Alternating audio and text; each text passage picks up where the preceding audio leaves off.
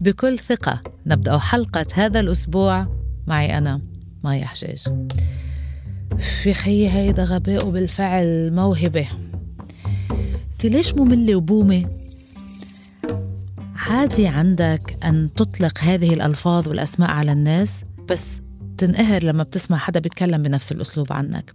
تستفزك الصفة التي أطلقوها عليك سواء كان لها علاقة بالذكاء أو الوزن أو العمر أو الشكل أو نوع الشخصية.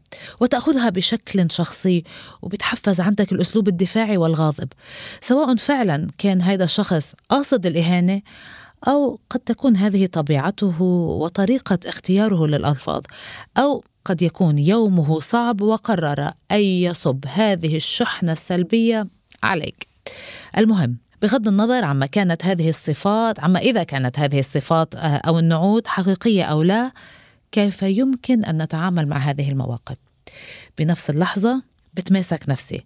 ولا أبرر أبدا ولا أتخذ موقف الدفاع عن نفسي ولا أواجه ولا أعصب بوجه الشخص المقابل بل أبتسم. لأنني أعرف أن قيمتي هبة من رب العالمين ولا أنتظر من شخص آخر أن يقيمني. فلتر الوعي. بمجرد ما سمعت هيدا التصنيف علي لازم حدد السبب اللي خليه يستفزني. عن طريق سؤال النفس.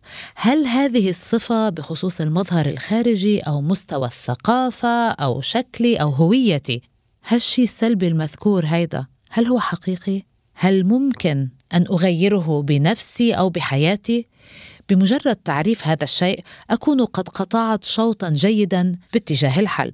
لو قدرت غيره هيدا خير. على خير. ولكن إن ظهر أنه شيء لا يمكن تغييره بحياتنا عندها أحاول عدم التركيز عليه بل أسلط تركيزي على نقاط القوة والصفات الإيجابية التي أمتلكها وأعتز بما أجيده من مهارات ومعرفة وسلوك وتصرفات ولا أطالب نفسي بالكمال واحتراف كل شيء بالدنيا.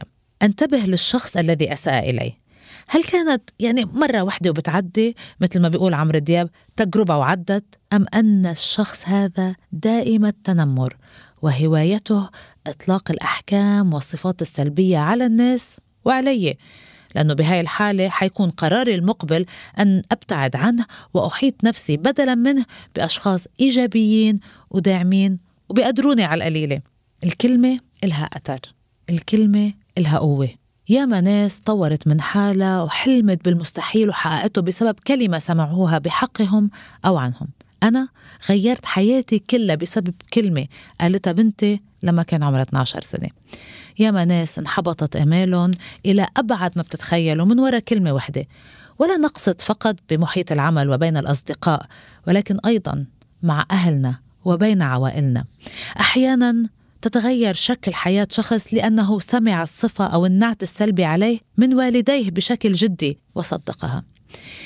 يمكن أطلقوا هاي الصفة السلبية بنية تأنيب ضمير الأولاد وتحفيزهم ولكن النتيجة تظهر عكسية على نفسية الطفل اللي يتأثر وبحس بأول خذلان بحياته على يد أهله. مثلا أنت غبي أنت مش خارج علم مش خارج مدارس آخرتك تجيبي أولاد وتعدي بالمطبخ.